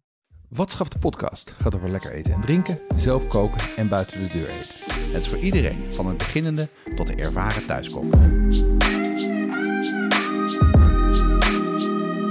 Elke aflevering starten we met een drankje. Ja, het is eh, gewoon limonade, of niet? Citroenlimonade. Nou, het drinkt als limonade, maar Oh, dat is heel onverstandig als je met de auto gaat. Ja, Ik weet het al. ja Een Negroni. een Negroni, maar geen gewone Negroni. Ehm, maar het is een, eh, een grilled pineapple jalapeno mescalita. Ehm, Iets heel anders. dus. Ja,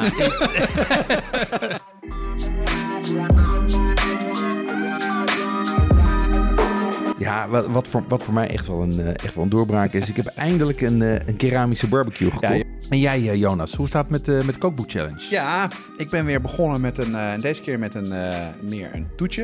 Ik heb ook gegeten bij, bij een nieuw restaurant.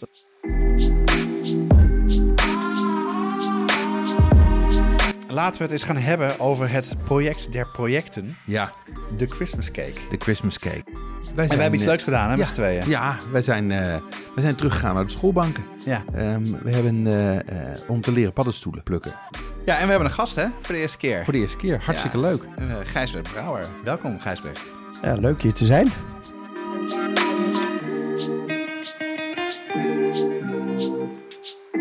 Deze podcast wordt gemaakt door Jeroen Dozet en mijzelf, Jonas Nouwen. We hebben nog leuke reacties gehad, eh, Jeroen. Ja, we hebben een, eh, we hebben een hele leuke reactie gehad eh, op Apple. Die zei, iedere twee weken is het weer feest.